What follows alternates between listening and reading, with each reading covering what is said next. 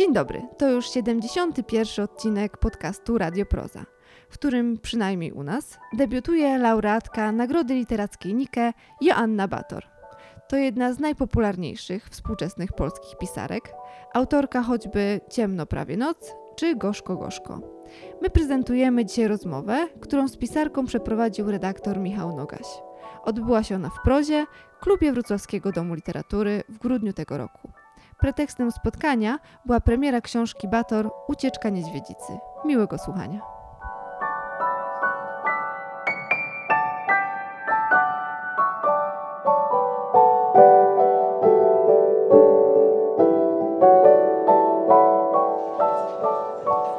Dobry wieczór Państwu. Witamy bardzo serdecznie na żywo z Wrocławskiego Domu Literatury. Jesteśmy w klubie Proza i dzisiaj e, występujemy jako dodatek do jarmarku bożonarodzeniowego i będziemy przez godzinę lub półtorej Państwa dodatkową e, atrakcją.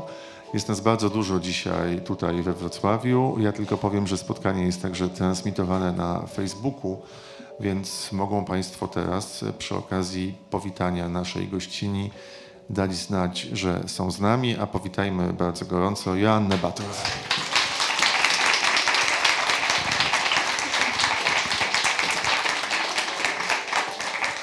Już pierwsze interakcje, Państwo tego nie widzą, zadzierzgnięte, Państwo się sobie kłaniają, jest bardzo miło i sympatycznie.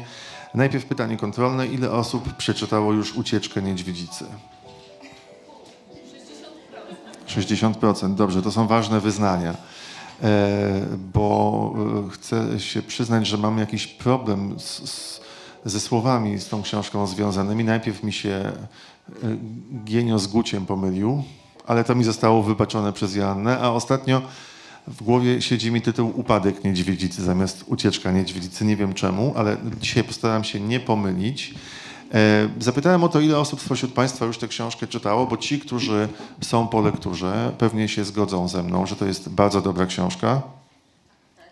Tak. Nawet ta osoba, która 60% przeczytała, powiedziała, że tak. 40% też daje radę, te pozostałe, więc proszę się nie obawiać. No i teraz chciałem mm, zapytać Cię o to, jak to jest? Książka bardzo dobra. Zapowiadałaś, że wydasz zbiór opowiadań, więc wszyscy mieli takie przekonanie, że to będzie książka trochę od sasa do lasa, różni bohaterowie, różne historie, różne czasy akcji, a to ci jakoś nie wyszło. Pozytywny taki początek, nie? Rzeczywiście planowałam po prostu zebrać opowiadania, które już były napisane i potem coś tam dopisać i wydać zbiór taki jaki wydaje się między powieściami, kiedy autorka jest zmęczona. I okazało się, że po pierwsze, teksty, które powstały przed tytułową ucieczką niedźwiedzicy, w ogóle mi się już nie podobają. Z innego jakiegoś źródła one płynęły i ono nie było dla mnie ciekawe do eksplorowania. I po drugie, ta tytułowa ucieczka niedźwiedzicy wykazała jakąś taką dziwną, ciekawą właściwość, a mianowicie stała się kłączem, zaczęła się rozrastać. Um, I z niej zaczęły powstawać, tak jak z kłącza, kolejne opowieści. To dla mnie, jako autorki, było ciekawe doświadczenie w sensie roboty, wiesz, która, no i twoja, i moja jest e, ciągle taka sama w pewnym sensie. Chodzisz gadać z, z różnymi ludźmi, tak. Ja siedzę i piszę różne książki, e, więc to mnie ucieszyło. E, dało mi taką twórczą radość, energię, że dzieje się coś nowego, że w, tym, w tej tytułowej opowieści powstał jakiś nowy język pełen energii, e, który rośnie mi w rękach jak ciasto i poszłam tym śladem. E, bez planu, tak jak zawsze, bez rozrysowanej struktury. E, tak, zaufałam temu wewnętrznemu głosowi e, i, i szłam z tych trzech opowieści, które były na początku: Ucieczka Niedźwiedzicy, Stare Buty, um, Licho. Wyrosło mnóstwo niteczek które zaczęły tworzyć taką gęstą, przestrzenną sieć. I tu już jest dużo pytań do pierwszej zaledwie wypowiedzi Joanny, ale zanim o książce, to jedna rzecz, e, o którą właściwie nigdy Cię nie pytałem w związku z ucieczką Niedźwiedzicy, ale też e, poprzednimi książkami. Mówisz, że e, miał to być zbiór opowiadań z wielu lat pisany, ale kiedy je przejrzałaś, zajrzałaś do nich, to się okazało, że to już nie jesteś ty. No właśnie, to już nie jesteś ty. Przeszłaś metamorfozę jako autorka, czy jako osoba ludzka? Z opowiadaniami to była trochę inna historia, bo ich było w sumie trzy albo cztery, czyli bardzo niewiele. I zawsze powstawały w wyniku jakoś zewnętrznego bodźca, czyli wiesz, ktoś robi jakiś zbiór tematyczny i prosi pisarzy, żeby dołączyli do tego projektu tak zwanego. I nigdy nie. Ja właściwie myślałam, że nie umiem pisać krótkich form. Te opowiadania były takimi wprawkami. Jeden tytuł pamiętam, Fiołek Afrykański, który, jeśli chodzi o samą opowieść, to chyba to nawet było ciekawe, ale tylko tyle. E, więc e, tak, te opowiadania, które porzuciłam, odrzuciłam i zapomniałam, były jakoś zewnętrzne. Wiesz, one siedziały gdzieś e, na zewnątrz tego głównego nurtu piaskowej, chmurdali i tak dalej.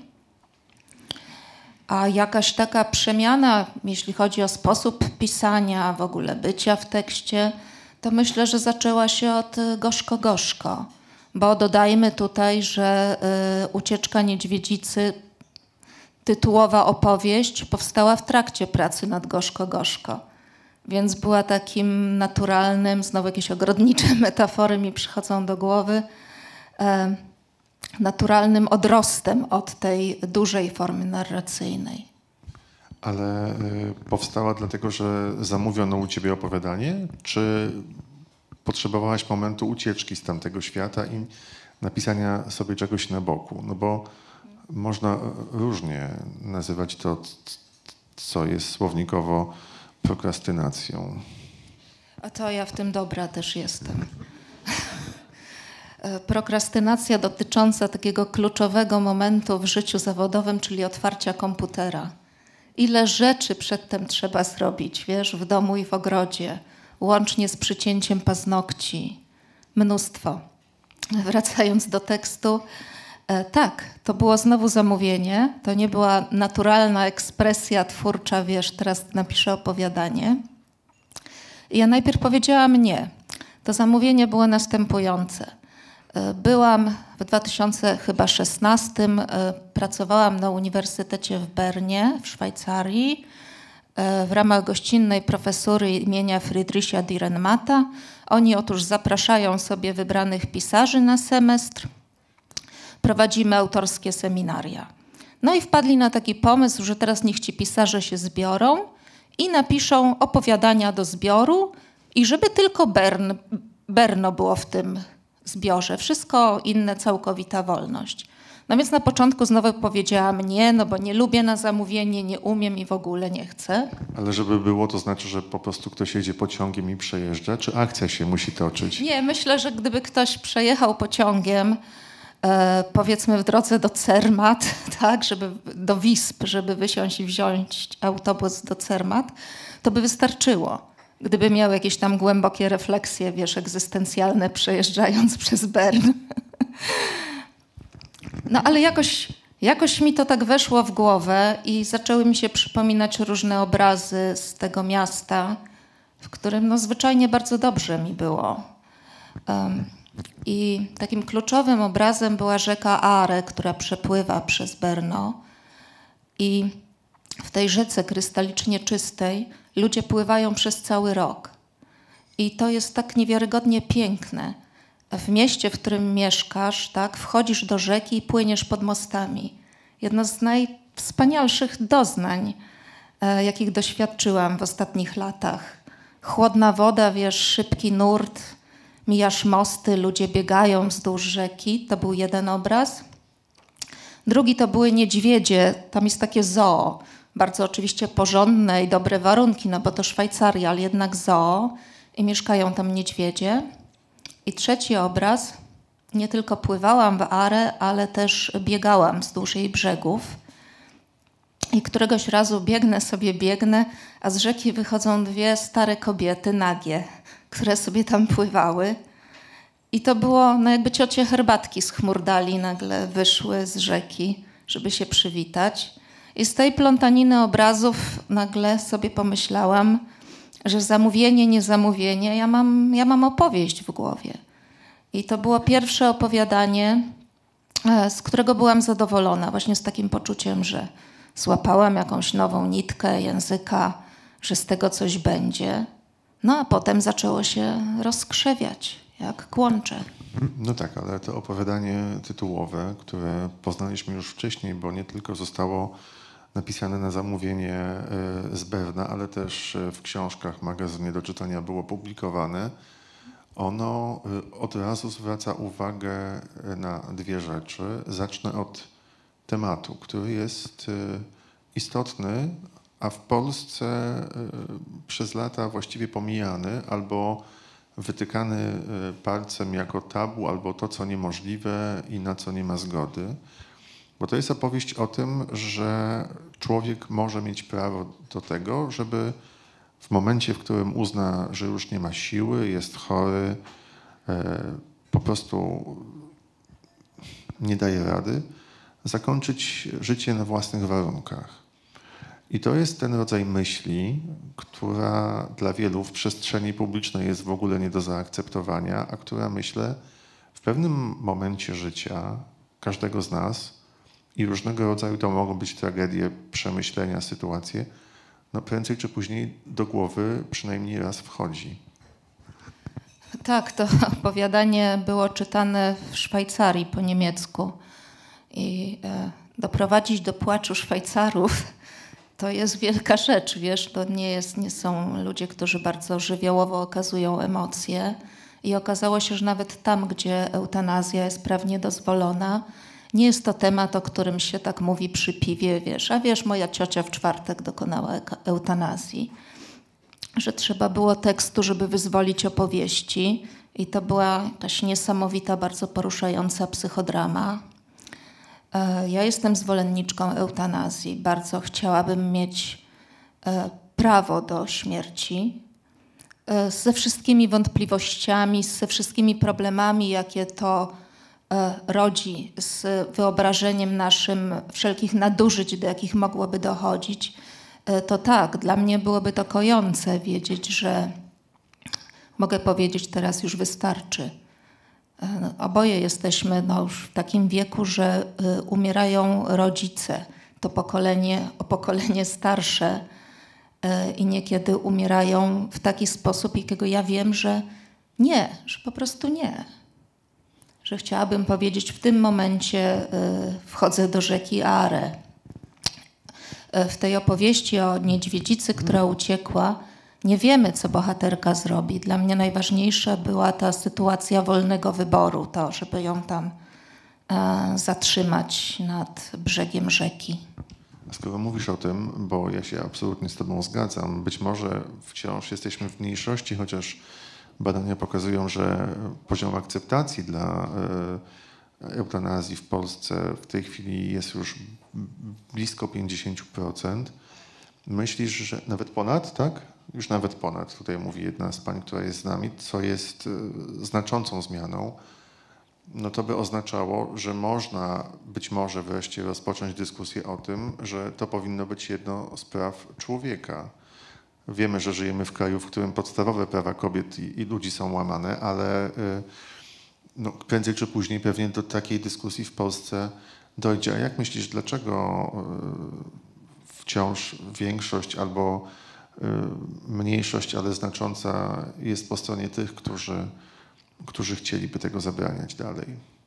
Z czego to się bierze? Myślę, że z wysokiej waloryzacji męki i cierpienia która bierze się z e, dominującej w Polsce religii.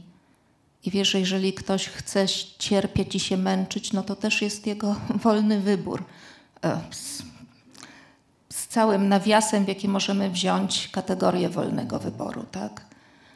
E, bo nie zawsze wolni wybieramy, czy nie zawsze mamy wolność wewnętrzną, żeby wybrać.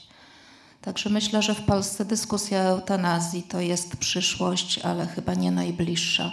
Jakby ogrom problemów, z którymi teraz się mierzymy, chyba naturalny sposób odpycha ludzi od y, w ogóle mówienia o śmierci, wiesz.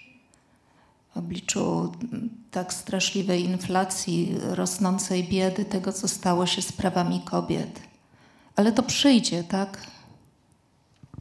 Może jest tak, że sobie nie zdajesz z tego sprawy, albo też czytelnicy nie do końca to zauważają, że w dużej mierze poruszasz w swoich powieściach czy opowiadaniach tutaj tematy istotne, które wciąż dla wielu są niewygodne, no to warto przypomnieć, że przecież kiedy ukazała się Twoja ostatnia powieść, Gorzko Gorzko, to byliśmy w samym środku walki o prawa kobiet. Jakoś tak się to ze sobą zbiegło w czasie i wiem, że dla wielu osób te postawy, które reprezentują bohaterki Twojej poprzedniej książki, były bardzo istotne. Myślę, że od Gorzko Gorzko mm, do ucieczki niedźwiedzicy ten zewnętrzny świat w większym stopniu e, wpływa na mnie niż przy poprzednich powieściach, wiesz? E, dlatego e, te dwie są bardziej zwrócone w przyszłość, bardziej zakorzenione w teraz, a poprzednie bardziej zwrócone ku przeszłości, tak jak na przykład Piaskowa Góra. Myślę, że duży wpływ ma na to ta decyzja, jaka zapadła po po ciemno prawie noc, czyli decyzja o tym, że wracam do Polski że będę tutaj mieszkać tak długo jak się da i tutaj pracować. I mm, to przenikanie świata zewnętrznego jest bardzo szczególne, bo to jest tak bardziej, wiesz, przez skórę niż e, stanowi wynik e, jakiejś świadomej prasówki tutaj e, racjonalnego analizowania bieżących problemów. To po prostu jest jako swojego rodzaju aura, jak zapach węglowego pyłu w Wałbrzychu, który po prostu no, nie zamkniesz przed tym ani drzwi pięknego domu, ani bramy ogrodu. To po prostu e, jest. Myślę, że gdzieś tam jeszcze głębiej jest to, w co wierzę najbardziej, tak, że e, no nie możesz być przyzwoitym człowiekiem, przyzwoitą pisarką bez zaangażowania że, że po prostu trzeba. Ale wiesz, to nie jest częste. Wciąż jednak tak mi się wydaje. To znaczy, często słyszę i słychać głosy, że literatura jest po to, żeby opowiadać ładne opowieści, a nie po to, żeby angażować się w opisywanie świata tu i teraz. Wiesz, jedno nie wyklucza drugiego, myślę. I ja, że tak powiem, e, do tego dążę. E, bo wiesz, czym innym jest że chcesz napisać manifest, tak? No to wyjdzie ci manifest. A czym innym jest postawa, z której zdajesz sobie sprawę, jak jesteś już dorosłym człowiekiem, który swoje przeszedł, że na wielu rzeczach po prostu bardzo ci zależy, wielu ludziom bardzo współczujesz i że masz w sobie ciągle żywe takie e, ziarno buntu. Więc wiesz, dbasz o to, żeby twoja wyobraźnia ciągle była żywa bo dzięki niej potrafisz współczuć. A kiedy współczujesz, to rodzi się w tobie bunt. I jeśli masz to wszystko pod jakimś rodzajem e, kontroli, to ciągle możesz pracować, tak? Czyli nie pójdziesz ani w tą stronę, że manifest, powiedzmy, radykalny, feministyczny manifest. To jest niebezpieczne słowo teraz, zwłaszcza w Warszawie. Radykalny feminizm. E, radykalny feminizm. Ja myślę, że mój radykalizm rośnie, mimo iż e, no, w trochę innym się feministycznym e, nurcie wychowałam, ani nie pójdziesz w tą drugą stronę, czyli wiesz, no, siedzisz w ogrodzie i piszesz haiku za haiku o pięknie i przemijaniu świata. Tylko gdzieś po środku złapiesz ten żywy nurt, kiedy możesz i opowiadać piękne opowieści, i ta druga rzecz jest też bardzo ważna dla mnie, no bo opowiadać piękne opowieści to jest przeżywać i doświadczać, tak? To daje twórczość, ale ja chcę się też komunikować, tak? Więc przeżywam i doświadczam w ten sposób, że tworzę żółwia, który mówi po angielsku, a komunikuję się w ten sposób, że jednak ludzie, którzy, którzy budzą moją empatię, odnajdą się w tych postaciach. Ty mówiłaś o ziarnie buntu. Każdy z nas je w sobie ma podobno, tylko nie zawsze zdaje sobie z tego sprawę. Skoro tak rozmawiamy mm, wokół książki, jeszcze nie o konkretnych postaciach, a o tobie i twoim spojrzeniu na świat i pisanie, ty pamiętasz, kiedy to ziarno buntu w tobie zaczęło kiełkować? W kołysce. Ojej. Urwałaś łeb hydrze? Nie, tak, hydrze, urwałam łeb hydrze. E, 15 lat, gdzieś tak, przełom podstawówki i liceum, czyli takie, wiesz, no, kształtowanie się e, dorosłej tożsamości. Wtedy, wtedy na pewno. Zawsze miałam do Freuda żal, że tyle uwagi poświęcił dzieciństwu, a kompletnie zignorował ten okres, wiesz, między szóstym a osiemnastym rokiem życia, kiedy tyle się w nas dzieje. Więc wtedy najpierw jako jaka taka zupełnie bezkierunkowa potrzeba, żeby było jakoś inaczej.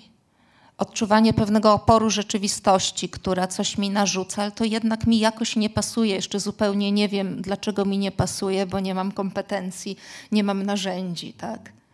A później to już tylko rosło. Kulturoznawstwo we Wrocławiu. Wiecie, jaka jestem wzruszona, że znowu tutaj jestem, ulica Szewska. Jeden z najlepszych wyborów, jakich w życiu dokonałam. Kulturoznawstwo we Wrocławiu. Czyli studia, które nie dają ci kompletnie żadnego za zawodu, ale dają ci warsztat do krytycznego myślenia. No a potem to już wiesz, feminizmy, gendery. Uch. E, mówiłaś o tym, że po ciemno prawie noc podjęłaś decyzję e, o, o tym, że osiądziesz w Polsce i zostaniesz. Wcześniej prowadziłaś nomadyczny tryb życia, zmieniałaś domy, kraje, e, rzucało cię po świecie, a to Japonia, a to wspomniana Szwajcaria, a to Niemcy, a to inne miejsca. No i co, odnalazłaś się w tej Polsce, czy ona cię przygniotła? Nigdy nie odczuwałam czegoś, co ludzie określają miłością do swojego kraju. Co by to właściwie miało znaczyć? Że kocham do Odry, a za Odrą już nie na przykład? E, Tym, za czym tęskniłam we wszystkich innych miejscach świata, było otoczenie, takie wrzucenie w polski język. To był taki brak bardzo, bardzo dotkliwy. Albo dobra, czasem to nawet było fajne. W Japonii na początku, kiedy znalazłam się po raz pierwszy w życiu w miejscu, którego języka nie znałam zupełnie. Wiesz, mogłam sobie przeżywać i doświadczać, używając e, innego aparatu niż e, rozumienie. Ale potem, nie, potem po prostu chciałam wokół siebie słyszeć polski język. I to, to za tym tęskniłam. Jeśli Polska to język, który jest, no jest po prostu niesamowity, można z nim zro zrobić tak niebywałe rzeczy. Jedyny, w jakim kiedykolwiek będę pisać prozę. Mogłabym, wiesz, napisać jakiś tekst akademicki po angielsku, co robiłam, ale nigdy prozę. Więc za tym tęskniłam i wiesz, no to była taka decyzja y, bez backup planu, tak? Zrezygnowałam z jakiejś oferty japońskiej, już takiego życia tam, pracy, pracy na uniwersytecie i po prostu wróciłam, żeby tutaj pisać. Ludzie mnie tutaj trzymają. Mam szerokie grono takie przyjacielskie. To, to są takie te związki z wyboru. Um, I na razie tu jestem, ale przynajmniej na razie jeszcze nie musimy tak decydować, że już tutaj zostajemy, ani jeszcze za nas nie decydują. Tak? Nadal świat jest otwarty. Za 10 lat mogę być gdzie indziej, ale na razie tego potrzebuję, żeby ludzie mówili do mnie po polsku. Czyli język. No dobrze, i teraz e, wracamy do ucieczki niedźwiedzicy, bo wspomniałaś o tym, że to opowiadanie pierwsze, z niego zaczęły wyrastać inne, inne teksty. Dla tych spośród Państwa, którzy jeszcze są przed lekturą, ważna informacja. Otóż bohaterka tego opowiadania pojawia się jako postać mało znacząca i nie kluczowa w Gorzko Gorzko, a tutaj pełni rolę, odgrywa rolę pierwszoplanową. I chciałem Cię teraz zapytać, czy ta Marianna, która tutaj jest i jedzie do tego Berna, to jest taka postać, która po prostu Ci się przypomniała? Czy Twój mózg tak funkcjonuje, że kiedy nawet tworzysz poboczne postacie, musisz nadać im imię i nazwisko, jakąś funkcję, żeby to się zgrywało z całością innej opowieści, już gdzieś w jakimś worku w mózgu zapadają, zostają i to potem się i tak rozsypie. Nie wiem. Ale wiem, że Marianna Polna z e, Ucieczki Niedźwiedzicy nie jest do końca tą samą Marianną Polną, co w Gorzko Gorzko. To jest wspaniałe w pisaniu fikcyjnych opowieści, że postaci mogą wędrować w czasie, mogą się inkarnować w innych miejscach. E, gdyby była ta, tą, ta sama, jak e, sugerujesz, czasy by się nie zgadzały. Ale to jest ciągle Marianna Polna. I ostatnio dużo, już rozmawialiśmy o tym kiedyś, e, wiesz, umieranie rodziców. Tak, moi żyją rodzice, ale no, stopniowo znikają rodzice moich znajomych. Po prostu co miesiąc czyjś ojciec, wiesz, czyjaś matka i ta, ta bliskość śmierci i starości. Myślę, że z tego mojego egzystencjalnego zdumienia, bo w nomadycznym życiu to się specjalnie tak przemijania nie widzi, jak się siedzi na miejscu. E, wzięła się Marianna Polna, która za każdym razem jest stara i w Gorzko Gorzko jest stara już bardzo, a tu jest e, stara troszeczkę e, mniej. Więc jeśli ona się porusza między książkami, to ona się porusza pod prąd czasu. Raczej z ucieczki niedźwiedzicy przechodzi do gorzko-gorzko, e, czyli moglibyśmy dalej sobie gdybać, że nie, nie topi się w rzece Are, tylko wiesz, e, myli się, nie ma Alzheimera. Coś innego się dzieje z jej umysłem, może po prostu ma depresję, wtedy też ma się zaniki pamięci podobno. No i wraca do gorzko-gorzko pod prąd czasu. I tam pięknie się starzeje już w nowym miejscu, które pojawia się w moim pisaniu, czyli w Podkowie Leśnej. No tak, ale nie jest jedyną postacią z y, Twoich poprzednich książek, które tu wracają. To możemy od razu powiedzieć, że jedna z bohaterek ulubionych przez Twoje czytelniczki i czytelników, czyli Violetta, która też pojawia się w Gorzko Gorzko. Już zostawmy na boku, czy zgadzają się czasy, czy nie. Tu się zgadzają. Też, e, też się objawia, no, też w jakiejś zupełnie innej formie i postaci. No Violetta przez V i 2T o żadną inną postać z Gorzko Gorzko nie pytaliście mnie Państwo tak często. O, ta Violetta, która no, i irytująca, i budząca współczucie, i kochana też. Nieraz takie sytuacje miałam, że podchodziła czytelniczką, ja to jestem trochę taką Violettą. Kto nie był? I Violetta pojawiła się w mojej głowie, kiedy pisałam um, transakcję zwrotną. I, I tak jakby to pojawiła się mi, no to co, zrób coś ze mną. I pomyślałam, że to będzie taki miły prezent dla czytelników, że ta Violetta, której było wam żal, e, ma nowy pomysł na siebie i że tym razem trafia do miejsca, gdzie może skończyć z violettowaniem, a e, przeżyć przemianę po prostu, stać się kimś innym. No i pojawia się jeszcze jedna postać, ale już nie żywa, tylko w formie nagrobka, czyli grób Barbary Serce, czyli z kolei kochanej babci, babci Buni. Violettować to jest e, czasownik, który co określa? Od razu to wyjaśnijmy. Violettowanie jest dramatycznym poszukiwaniem uznania w oczach innych.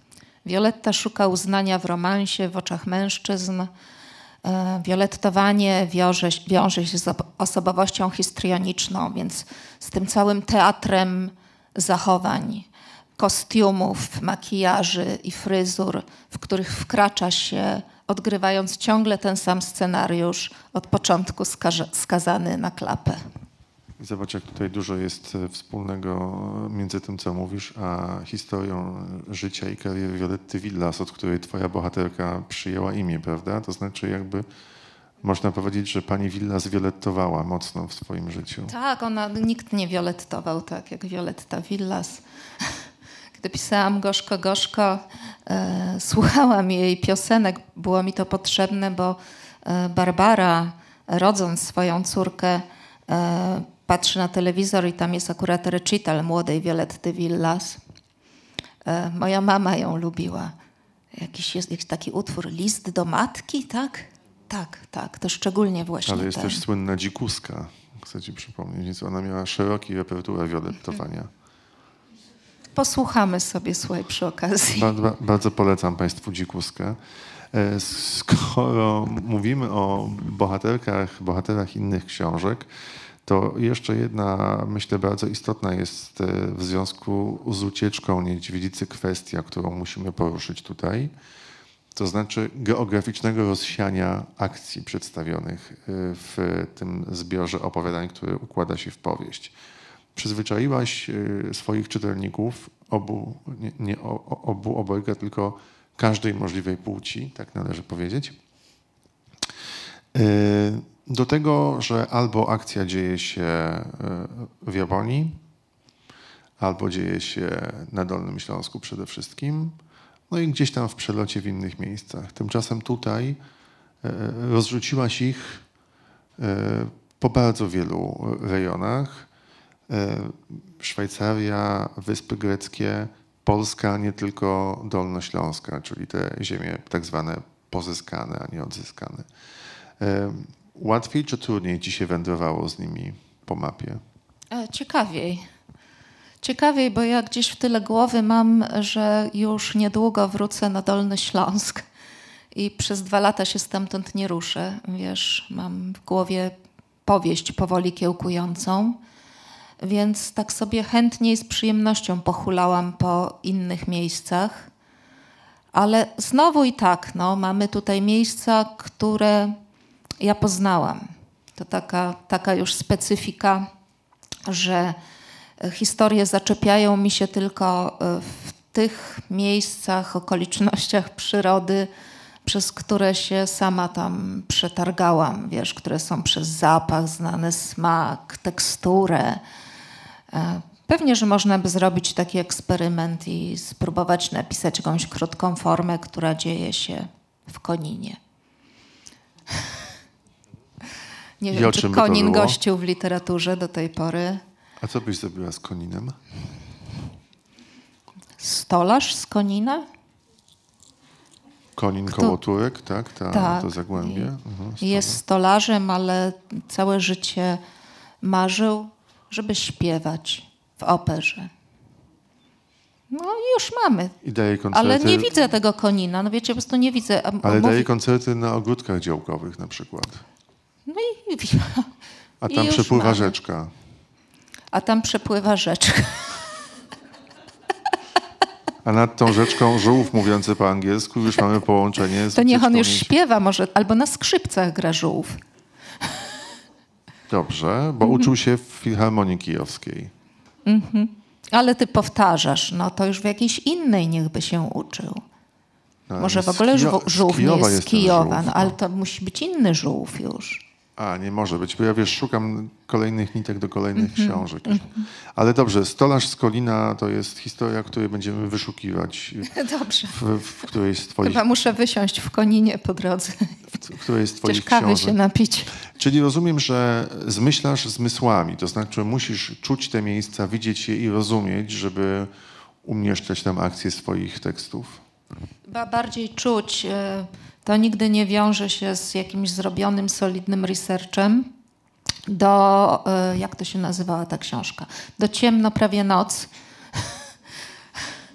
Robiłam e, research, słuchajcie, Tak, a w książ... ogóle nie zapisała się na kartach polskiej literatury, nikt jej nie zauważył.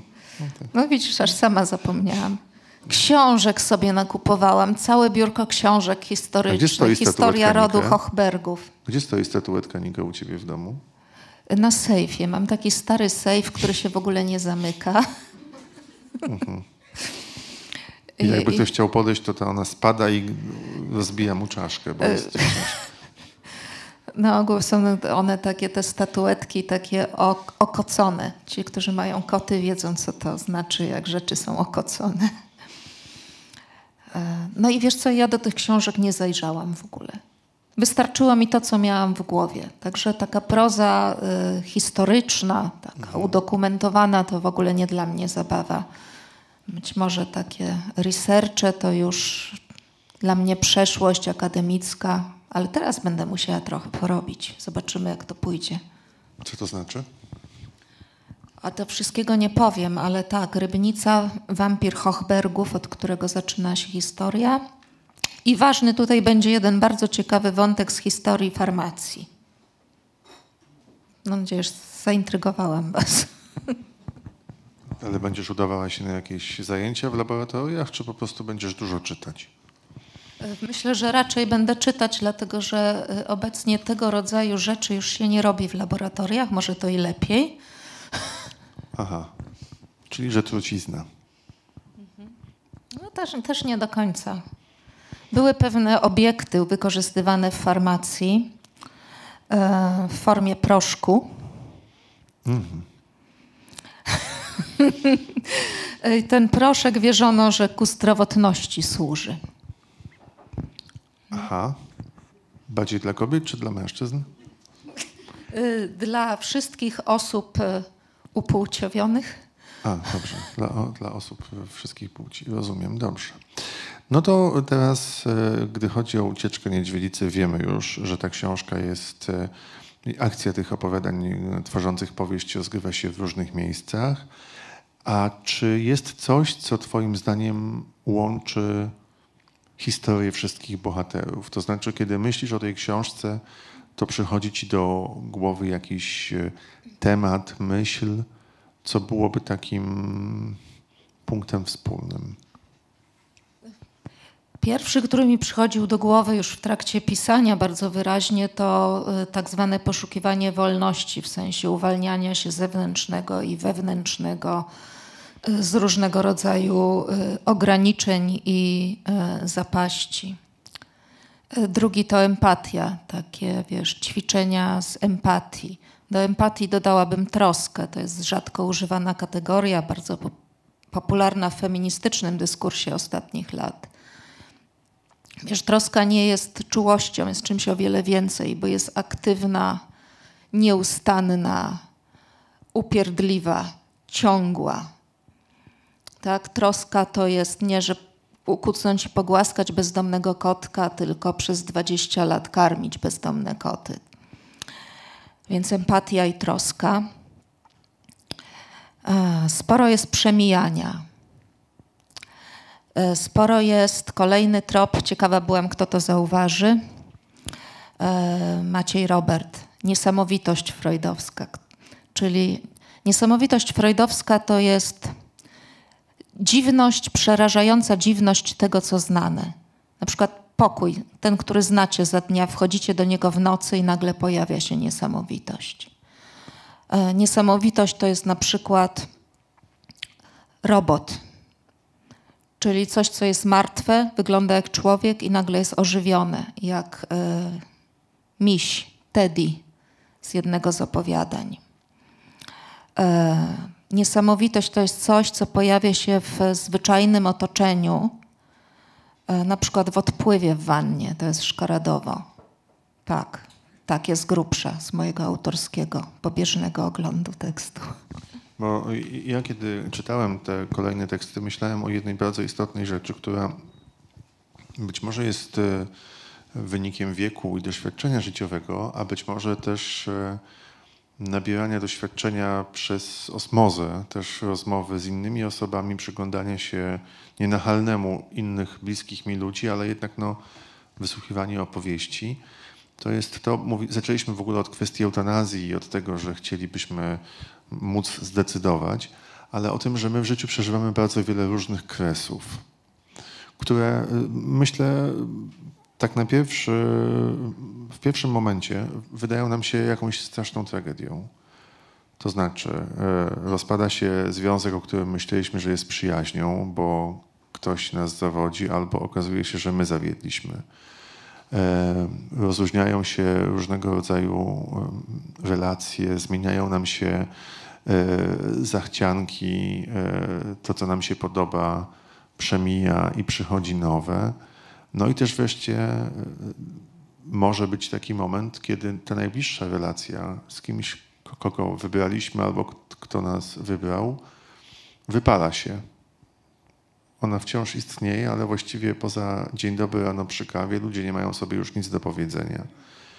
I y, kiedy się o tym myśli, albo kiedy daj Boże, albo nie daj Boże, tego doświadcza, to to się wydaje być końcem świata. A ty wysyłasz tutaj jakieś światełko nadziei do czytelniczek i czytelników, że no jednak to nie oznacza trzęsienia ziemi i zawalenia się wszystkiego, że na gruzach tego, co wydawało się trwałe i nieprzymijające, też można coś nowego zbudować.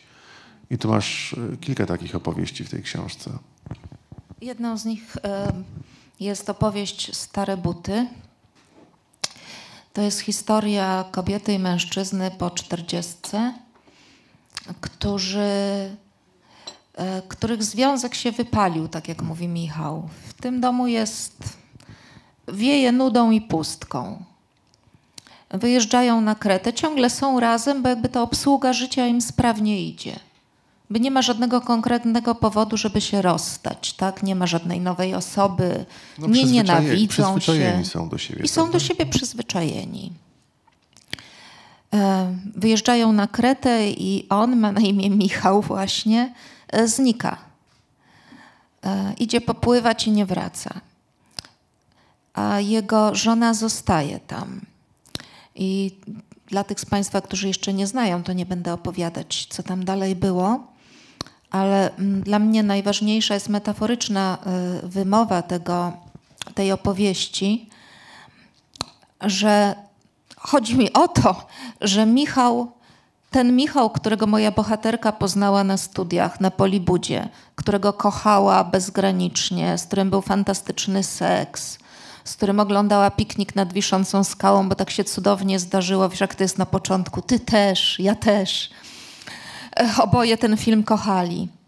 To ten Michał znikł. I otwarta tam będzie kwestia, czy ten nowy Michał, który się zmienił, ona też się w tym czasie zmieniła, zaczęli robić zupełnie inne rzeczy w życiu. Jakby, czy, czy w tych nowych wersjach przypadkiem oni ciągle nie są dla siebie fajni? To jest oczywiście wynik, wiesz, mam taką grupę 12 kobiet, no i sobie gadamy. No i gdzieś z tego doświadczenia, dwie- 12 apostołek spotkowy, z tego doświadczenia myślę najbardziej się y, narodziły stare buty. Że stare buty mogą, patrz jaka tam jest kluczowa ta metafora taka, stare buty mogą stać się nowymi. Nie możemy Państwu więcej zdradzić, przepraszamy, e, ale, ale tak jest. No dobrze, ale to jest też opowieść o, o odwadze przyznania się do pewnych rzeczy. To znaczy, jest taki mechanizm w psychologii opisywany często, który można w języku kolokwialnym streścić do zdania może nie jest dobrze, ale niech będzie tak, jak było, bo, bo się boimy zmiany, tego przekroczenia granicy. I lepsze, lepsze jest to trwanie niż wypełnianie życia szczęściem, po które jeszcze można sięgnąć. I ja myślę, że to jest też e, pytanie, oczywiście, kto w jakim stylu i w jakim momencie dojrzewa do tego, bo y, ścieżki tu mogą być różne. W opowiadaniu na przykład transakcja wiązana mamy przykład pary, e, która właściwie nie powinna ze sobą zostać, bo oboje byli głęboko nieszczęśliwi, straumatyzowani e, i zupełnie inni niż ci bohaterowie, których zostawiliśmy e, na Krecie. Tak, tam, tam już nie było po co. Tam już nie było po co trwać w tym smutku, który straszliwie pokiereszował bohaterkę innej opowieści, czyli Martę ze Szkaradowa, córkę tej pary, która jakby żyła pijąc smutek. Dzień po dniu piła smutek rodziców. Nie wiedząc właściwie, co się stało tak do końca, oprócz tego, że kiedyś zmarł jej malutki brat. No dobrze, skoro padło to słowo, to teraz się przy nim zatrzymajmy, bo to jest też książka o smutku, mówisz o tym często, jako jednym z tych uczuć czy zjawisk, które wydają ci się przynajmniej w drodze pisarskiej istotne i ważne. No właśnie, czy, czy smutek się twoim zdaniem do czegoś ludziom może przydać? Są różne odcienie smutku, tak? E, Ja lubię smutek w takiej wersji melancholii. taki smutek, którym jest i tęsknota, i piękno. E, japońskie mono no aware, e, portugalskie saudade. Czyli wiesz, zatrzymujesz się w takiej słodko-gorzkiej zadumie, w której masz poczucie, że na karku dźwigasz bagaż utrat, które już się stały i się nie odstaną, ale że nadal przed tobą jest, wiesz, niech będzie już to kwitnące drzewo wiśni albo cokolwiek innego, które pozwala ci na, nadal się zwyczajnie zachwycać. Tylko wiesz, nie jak skretyniały teletubiś, tylko po prostu jak człowiek, który doświadczył i, i radości, i rozkoszy, i, i smutku, i rozpaczy, i utraty. Jeszcze ten taki zewnętrzny dyskurs, że mamy być tacy wysportowani, uśmiechnięci, świecić zębami, jest bardzo szkodliwy tak naprawdę. Słuchaj, jak mi ktoś jeszcze raz powie, niech się pani uśmiechnie. Albo co pani taka smutna. Po prostu dajmy sobie prawo do tego, żeby po prostu. Nie, ale co zrobisz, jak tak powiem? Smutku. to mnie interesuje, co zrobisz?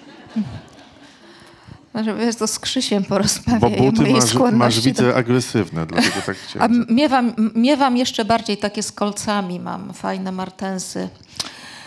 No nie, nie, nie, nie, będę, nie będę agresywna, ale mam takich parę odpowiedzi, których nie zacytuję. Wiesz, dajmy sobie prawo, żeby się posmucić. Nie mylmy też smutku z depresją. Depresja jest chorobą. Tak? Rozpacz jest stanem, przez który trzeba przejść, um, bo może nas ogarnąć w żałobie i to jest zupełnie normalne. Ale ten dobry smutek, melancholijny, mono no aware, saudade, usiąść na tyłku, posłuchać fado, wiesz, Lubisz i to? posmucić się. Lubisz to? Jest taki stan, moment, który, w którym czujesz się sobą Tak ja się tak, wiesz, zawieszam na takie pięciominutówki niekiedy, na ogół w plenerze. E, I na ogół są one związane z tym, że moje oczy na coś padły. Tam ostatnio w lesie jakiegoś takiego grzybka, który był już pół grzyby, miał tak, pół żywy i takie strzępki miał, które kołysały się na wietrze. I wiesz, cztery lata w Japonii, więc ja wiem, że teraz zatrzymać się i popatrzeć na niego ze słodko-gorzką zadumą. I nie muszę się przy tym uśmiechać od ucha do ucha. No dobrze, nie byłbym sobą, gdybym nie zapytał, o czym myśleć, patrząc na grzybka nie do końca pełnosprawnego. Wiesz co, nie myśleć, kurczę, nie myśleć właśnie. Aha, czyli po prostu Nie myśleć, myśli, zawiesić się tak, zawiesić się raczej w pewnym rodzaju aury, słodko-gorzkiej, smutnawej. I tak paść swoje zmysły. Ale nie myśleć specjalnie. W ogóle y, chwile niemyślenia polecam, takie medytacyjne. A to chyba nie jest łatwe, żeby dojść do, do takiego myślenia o niemyśleniu, prawda? To znaczy, trzeba przepracować w sobie wiele różnego rodzaju emocji i stanów, które tak naprawdę zatruwają nas jadem, a nie pomagają, żeby teraz o tym mówić. Znajduję cię jako bardzo asertywną osobę.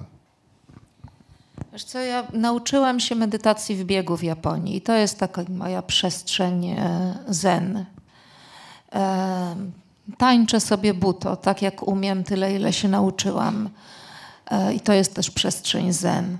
Ale to nie znaczy, że cały czas jestem oazą spokoju i że nigdy o 3.30 nie budzi mnie, wiesz, e, kłębowisko, wężowisko, lęków związanych z tym, co będzie, smutków e, gorzkich związanych z tym, co było.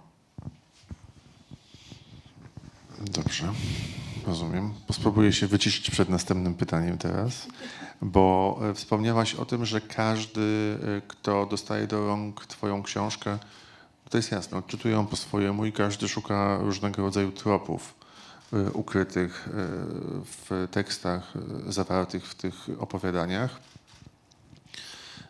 Maciek, którego wspominałaś, pisał na łamach książek magazynu do czytania o niesamowitości, o Freudzie. Dla mnie z kolei lektura e, tej książki jest jakimś rodzajem opowiedzenia się autorki po stronie osób wykluczanych. Tu jest wiele wykluczonych e, osób, postaci e, w kolejnych opowiadaniach tworzących tę całość. Ludzi, którzy pewnie jeszcze jakiś czas temu w ogóle by do literatury nie trafili, bo wzbudzają różnego rodzaju emocje, niechęć, lęk. To wszystko się bierze z niezrozumienia dla każdego istnienia. E, no to chciałem Cię zapytać o to, jak się narodził w Twojej głowie Genio, czyli jedna z moich ukochanych postaci w Ucieczce Niedźwiedzicy, osoba, która bardzo długo czeka na to, aż ktoś ją zaakceptuje. E, Genio jest e, osobą interseksualną albo interpłciową. Tutaj dyskutowaliśmy o tym, który z tych, który z tych terminów jest właściwszy.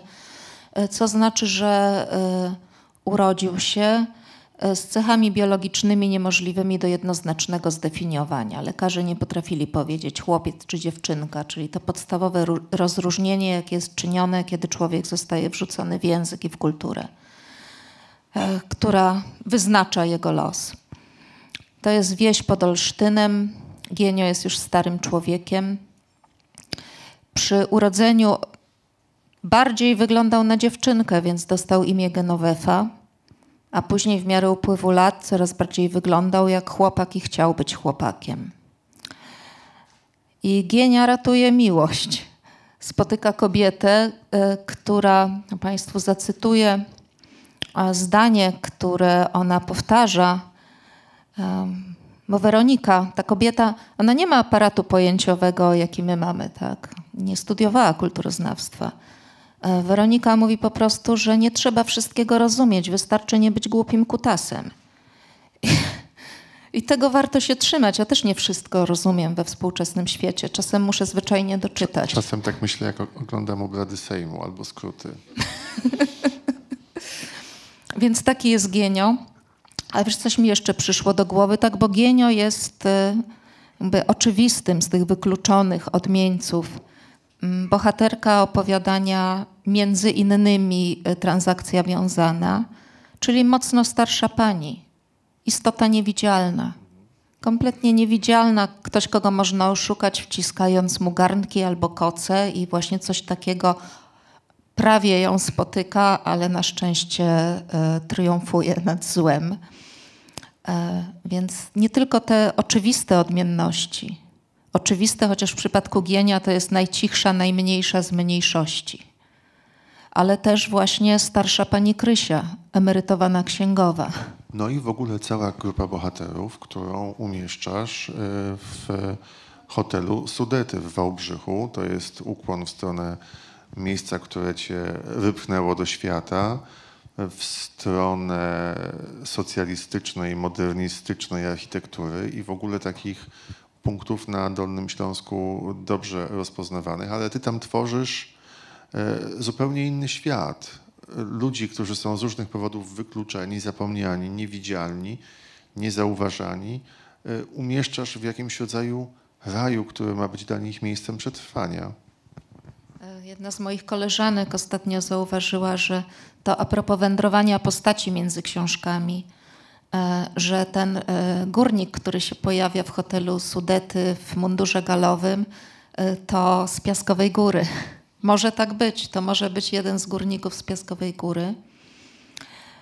Mnie jakoś pojawienie się tego hotelu Sudety w mojej głowie przy pisaniu ucieczki niedźwiedzicy bardzo ucieszyło, bo w ten sposób ten mój wałbrzyski, ta moja wałbrzyska dolnośląska matczyzna poszerzyła się, tak? rozrosła się o kolejne miejsce, które jest takie, takie pożywne. E, ja akurat bardzo lubię architekturę brutalistyczną, więc dla mnie Hotel Sudety ma to swoiste piękno. Oglądam mnóstwo e, na Instagramie obrazków z architekturą brutalistyczną. O, ja też. Ty też? Mhm. No, Ostatnio widzisz. bardzo dużo oglądam afrykańskiej a japońskiej e, Brutal Zen, zobacz sobie, z Okinawa. A, a zobacz sobie Brutal African, to tam są no. dopiero historie. Ale też jest, taka, jest taki profil, który e, prowadzi człowiek jeżdżący po dawnych krajach e, będących za żelazną kurtyną. A to tak, tak. E, to, to I wydaje mhm. albumy o kolejnych miejscach i właśnie teraz też przygotował to oglądam, o Polsce. Tak, no tak. tak. Mhm. To tak, to też oglądam. Mamy wiele wspólnego z Michałem. I, i wiecie... I... Ale ja nigdy nie byłem w hotelu Sudety. Y, to z Wojtkiem planujemy spotkanie w Wałbrzychu, to może wtedy razem pojedziemy. mój kolega wszedł tam i porobił mi zdjęcia, kiedy pisałam. Wojtek to nasz wspólny przyjaciel, który tak jak i Anna pochodzi z Wałbrzycha, to dla osób... A to łączy, to łączy na całe życie. On zresztą uważa, że jak przyjechał do Warszawy, to pierwszy raz się poczuł jak w domu, kiedy przed świętami poczuł smog i powiedział, a to jak Znam to uczucie. na święta, tak? No więc twój kolega był w tym hotelu i... I porobił zdjęcia i tam jest skondensowany, gęsty czas sprzed lat zamknięty. W pokojach są ciągle meble. E, w recepcji powoli mozaika, w ogóle uwielbiam mozaiki, takie PRL-owskie mozaiki. Pokażę ci fajne profile potem. Dobra. Ja ci też pokażę, bo zamówiłam sobie do domu od takiej dziewczyny, która robi inspirowane PRL-em mozaiki. No i po to mnie wszystko tak poruszyło, że zobaczyłam, że ten hotel się otwiera i na siódmym piętrze, siódme piętro to pewnie dlatego, że ja mieszkałam na Piaskowej Górze na siódmym piętrze w wieżowcu, więc od razu ta siódemka mi tam weszła, powstaje taka heterotopiczna wspólnota ludzi, którzy nie wypadli z systemu jest właśnie wspomniany górnik, który w mundurze galowym wędruje korytarzem i wspomina e, lata świetności Wałbrzycha. Jest Janusz Szef, który zarządza. Trafia tam e, Ewelina, która później, nie, znowu opowiadam, co napisałam. Nie, nie. W skrócie tak powiedz, jednym zdaniem. E, chodzi o to, że bohaterowie tam e, doświadczają przemiany, że to jest takie miejsce, to jest też jeden z przeplatających się wątków tej powieści, e, że czasem trzeba zejść do studni, schować się w zamkniętym hotelu Sudety, żeby dać sobie czas, żeby wszystko wyjść z rozpaczy, jaką budzi obecnie świat, przerażenia, poukładać sobie wszystko i wyleźć, znów się wziąć, wiesz, do roboty po prostu, podnieść łeb i wziąć się do roboty, żyć, cieszyć się też, tak? No i Ewelina jest taką drifterką, która sobie wędruje bez specjalnego celu. No i tam znajdzie dla siebie powołanie. E, tam też trafi e, Violetta przez VI2T. Trafi tam pewien budowlaniec, Piotrek, blady, zwany też Acze. E, kiedyś, parę lat temu było, szukałam e, mieszkania w Warszawie i jedno z miejsc, które opisuję w hotelu Sudety, o którym mówi Blady, czyli Acze, widziałam na własne oczy.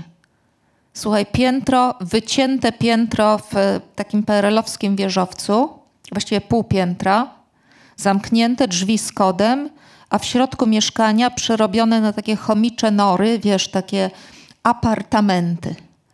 Także to jest prawda, na Powiślu to było. Taka pato-deweloperka level 1000. A takie pseudonimy jak Acze, to jak ci przychodzą do głowy? No weź, no jak moja mama się pytasz. No. Słuchaj, nie przychodzą po prostu. Wiesz, no, Chodzę w supermarkecie między półkami, tu papryka Czy domestos, czy acze. A tu acze. O, acze, to będzie dobre. Mhm. Jego postać mi się ukleiła z postaci wielu budowlańców, których widziałam, z postaci facetów widzianych w barze przy autostradzie. No i był właśnie taki bladawy, No właśnie, czyli bo to acze. coraz y, bardziej skierowany wzrok i słuch w stronę męskich postaci. E, to dla wielu odbiorców Twojej literatury może być też zaskakujące, że właściwie z książki na książkę, z tekstu na tekst, coraz większą wagę przykładasz do kreowania pełnych postaci męskich, ale też dawania im głosu i pokazywania, w jaki sposób myślą. To, to też jest jakiś ten rodzaj przemiany, chyba, który Joanna Bator jako pisarka przeszła. Wiesz co, ja wam też bardzo współczuję. To mm, patriarchat jest opresywny dla wszystkich płci. Presja. Mówiłam ci już któregoś razu tak o tym doświadczeniu trudu męskiego losu, e, jaki poczułam przyglądając się właśnie chłopakom na budowie albo chłopakom przy drodze. Wiesz, może któryś z nich chciał robić makramy albo tańczyć w balecie, ale musiał znaleźć męską robotę. Utrzymać Stolarz rodzinę. z Konina. Stolarz z Konina, właśnie. No dobrze, ale jak ci się pisze tych mężczyzn? Może to też wiąże się z taką sytuacją życiową, że ja mam tyle kobiet teraz dookoła siebie w tej podkowie, że tak zatęskniłam. Po prostu. Za męską obecnością w tekście. E, Fajnie mi się pisze. Acze fajnie się pisał, bo był jakiś taki, po prostu, no, no czułam go, widziałam jak jest ubrany, jak chodzi, jak mówi. Niekiedy o jakiś szczegół się pytam, na przykład jeśli córka, jeśli e, koleżanka ma syna w podobnym wieku, no to każe się zapytać o coś tam. No na przykład jak teraz się mówi najczęściej na marihuanę, tak czy tak? Wiesz. A on przypadkiem wie. A on mówi, że słyszał od kolegi. To jest ta słynna faza dla kolegi pytam. Możesz wykorzystać je w literaturze. Ale y, taka potrzeba stworzenia no, jakiejś y, innej przestrzeni, myślę o tym siódmym piętrze jeszcze, wynika też z jakiegoś rodzaju tęsknot, które w sobie nosisz, nie tylko za Wałbrzychem, ale w ogóle za jakimś innym możliwym światem? E, Tak, ale wiem, że ta tęsknota jest, e, powinna pozostać tęsknotą. Mam taką, taką wizję, że no dobrze, dopóki żyje mój pies, to mieszkam w Podkowie, a potem to już mieszkam w tej mojej greckiej wsi. Ale przecież ja wiem, że mieszkanie tam byłoby czymś innym niż dwa letnie spędzone tam miesiące. Że po prostu pojawiłoby się zwykłe, codzienne życie. Lepiej poznałabym tych miłych Greków z wąsami. I okazałoby się, że mają jakieś poglądy polityczne na przykład.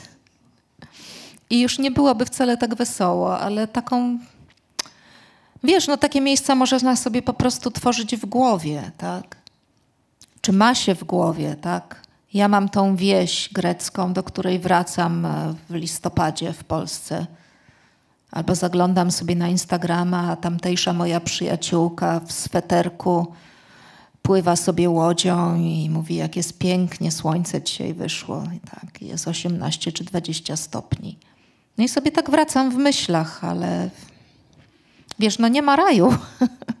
Ta książka też jest między innymi o tym, że nie ma raju. Są fajne przeczekalnie czy straszne przeczekalnie, ale nie ma raju, bo dwie z moich bohaterek próbują sobie ten raj stworzyć. No i życie wchodzi, a właściwie może wyrzuca im rzeczywistość na brzeg. Także nie ma raju.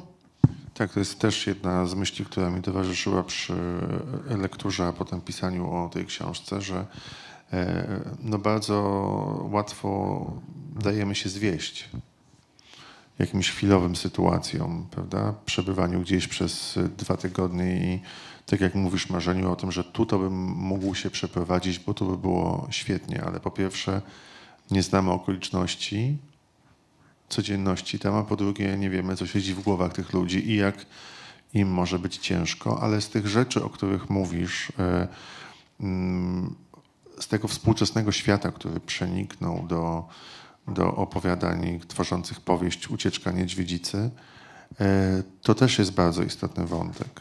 Te dwie kobiety, które, Polka i Szwedka, które szukają nowego życia, właśnie jakiegoś rodzaju idylii, raju na, na wyspie, orientują się, że to się nie uda, bo jesteśmy już tak ze sobą połączeni, że wszędzie, wszyscy prędzej czy później będziemy doświadczać tego samego. Czy to jest katastrofa klimatyczna, która najpierw e, najsilniej objawiła się chociażby w Afryce i te wszystkie migracje w dużej mierze związane są z brakiem wody i pożywienia.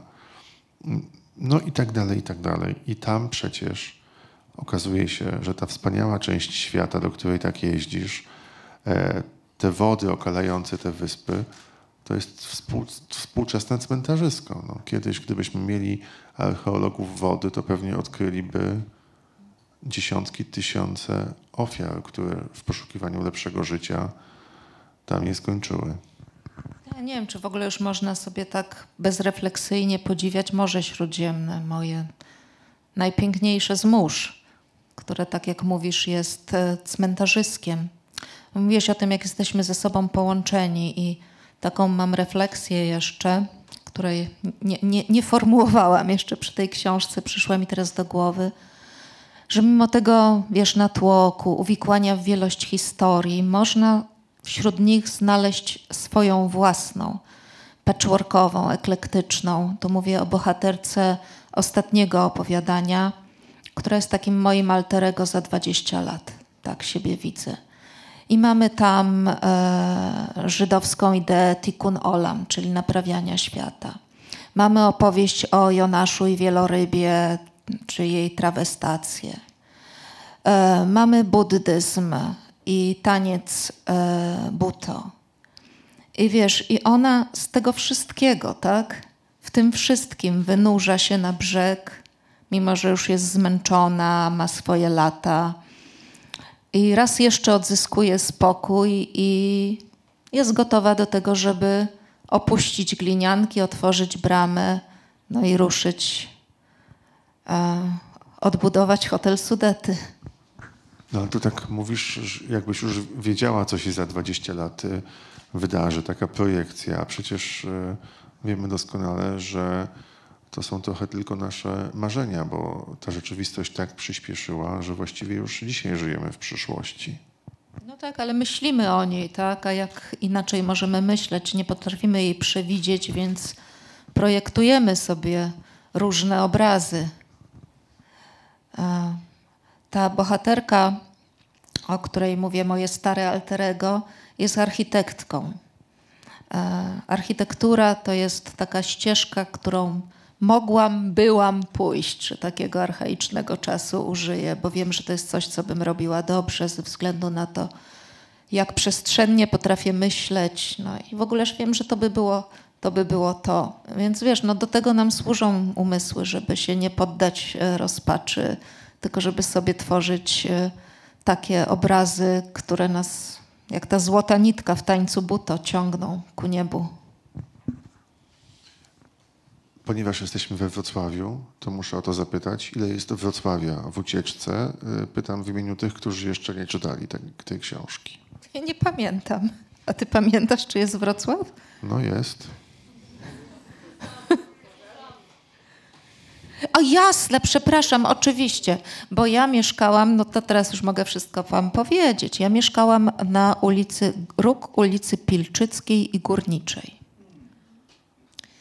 przez jakiś czas. to byli czas. chyba sąsiadami, tu się okazuje teraz. I jak była ta wielka powódź, to woda zatrzymała się jakieś 70-100 metrów od naszego domu. I widziałam, jak wielka woda wpływa na Kozanów, jak płynie Jugokiosk na niej. I to miejsce y, zostało w y, mojej pamięci, więc kiedy y, pisałam o Batwoman, no to wiedziałam, znaczy widziałam, jak te nietoperze odlatują tam w stronę ogródków działkowych. Nie wiem, czy te ogródki jeszcze są, czy jakiś deweloper już położył na nich łapę. W stronę, w stronę wody. Tak, Kozanów jest racja.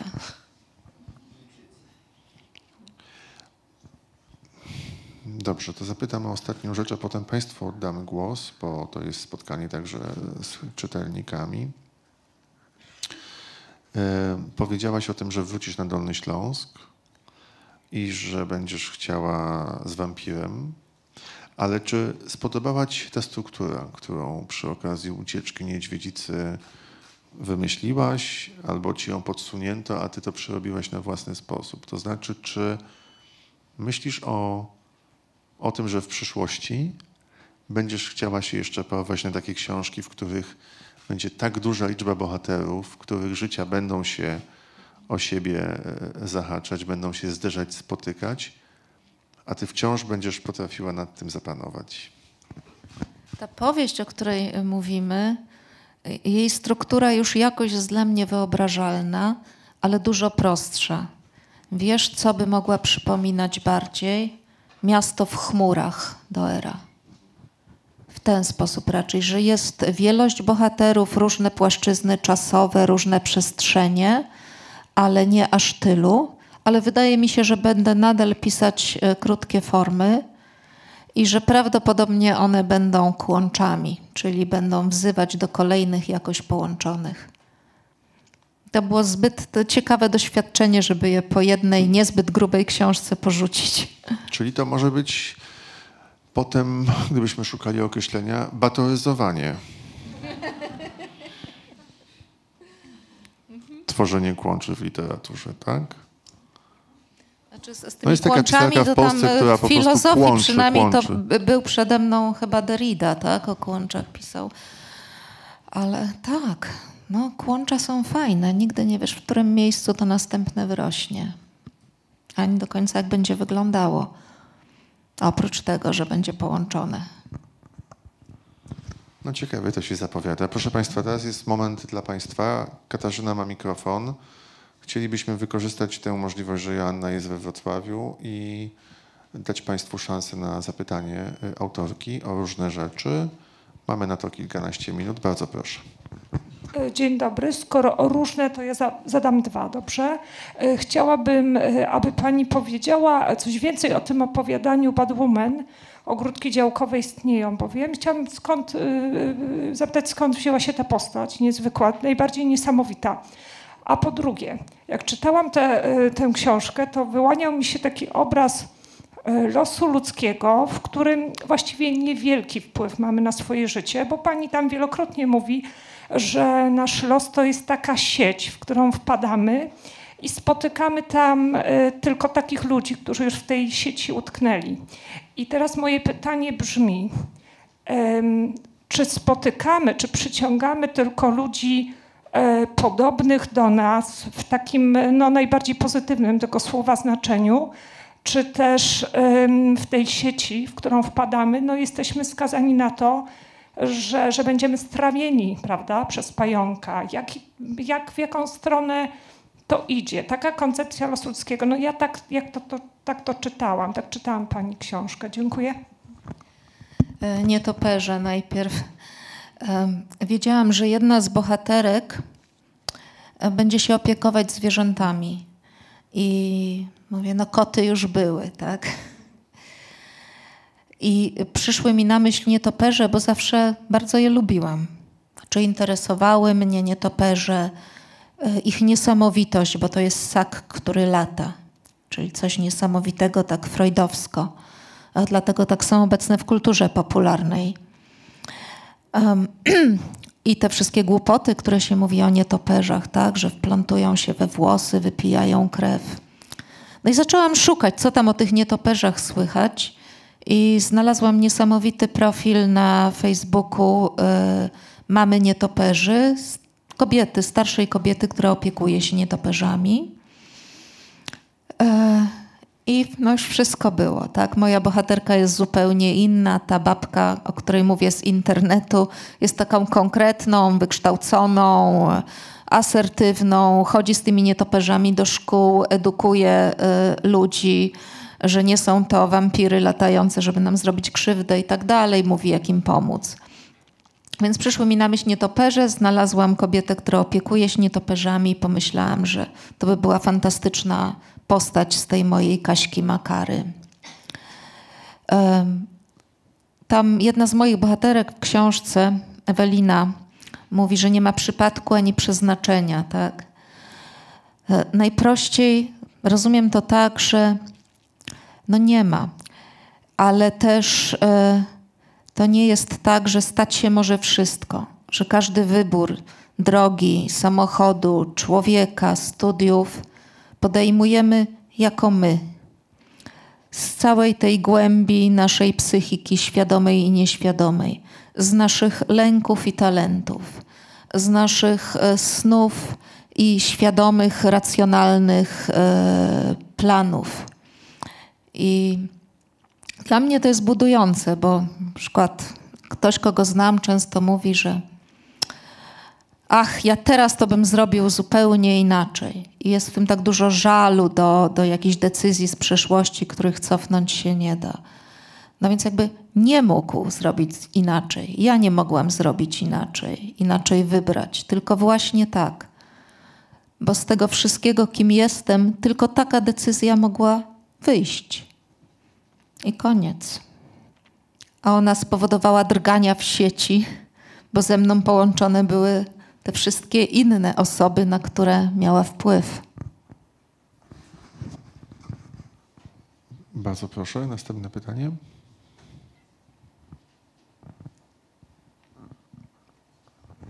Tutaj, dobrze.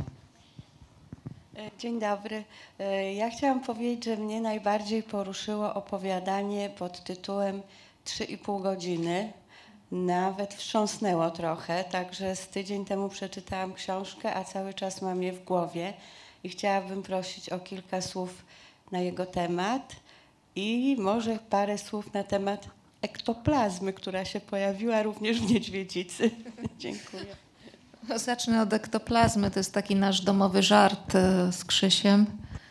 Za każdym razem no, jest pierwszym czytelnikiem moich książek i mówi, "Mm, no, czyli następna książka może będzie taka, w której nie będzie słowa tsunami i ektoplazma. Jest we wszystkich. Ektoplazma jest niewątpliwie jakąś taką moją substancją.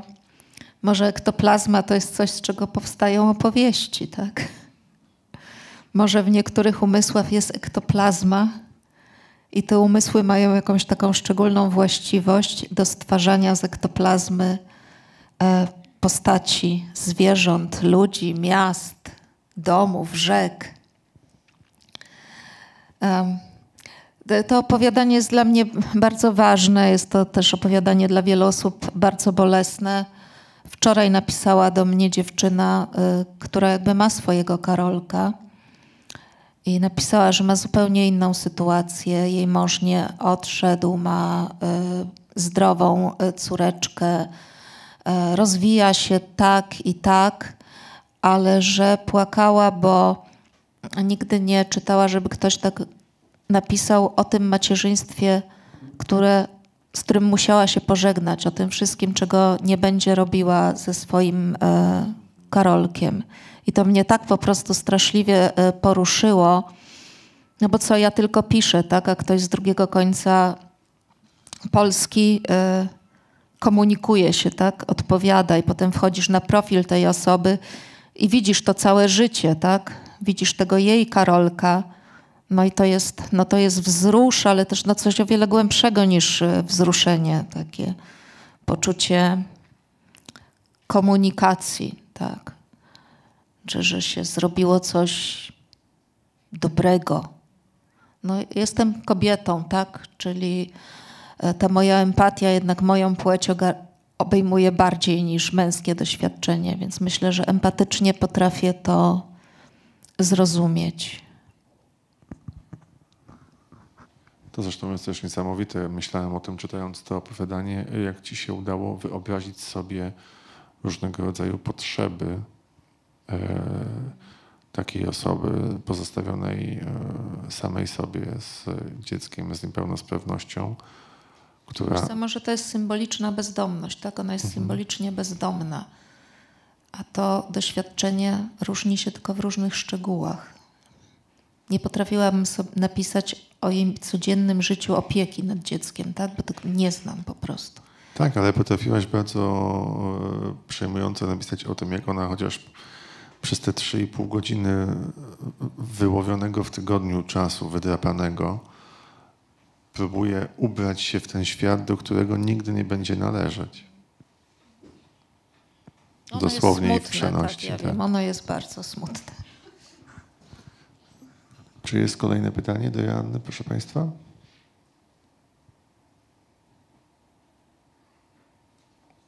Nie ma chyba. Dobrze, to będziemy kończyć w takim razie, zwłaszcza, że widzę te sterty książek do podpisania. Przy podpisywaniu zwykle Chcę tylko powiedzieć, jest że- odwaga na pytania. Większa liczba egzemplarzy nie oznacza pierwszego miejsca w kolejce. Po prostu będzie, będzie się wszystko odbywało sukcesywnie. Nie wiem, wolisz rzędami, czy, czy, czy kto pierwszy ten... tu Tutaj będziemy tak? podpisywać, tak, więc myślę, że e, prośba jest oczywiście taka, że, że- żeby e, cierpliwie po- poczekać, bo tak jak Joanna mówi, byłem świadkiem tych sytuacji, ktoś pewnie woli coś jeszcze na ucho dopowiedzieć, więc e, proszę o cierpliwość. Wszystkie książki będą podpisane na prezenty również. A ta książka o wampirze to kiedy będzie? To ja, wiesz co, myślę, że tu są przedstawiciele mojego wydawnictwa, więc co, co najmniej dwa lata. Ach, ale może się zdarzyć, że napiszę ją w rok. Po prostu daję sobie taki, taki luz. No pewnie. Nie, coś...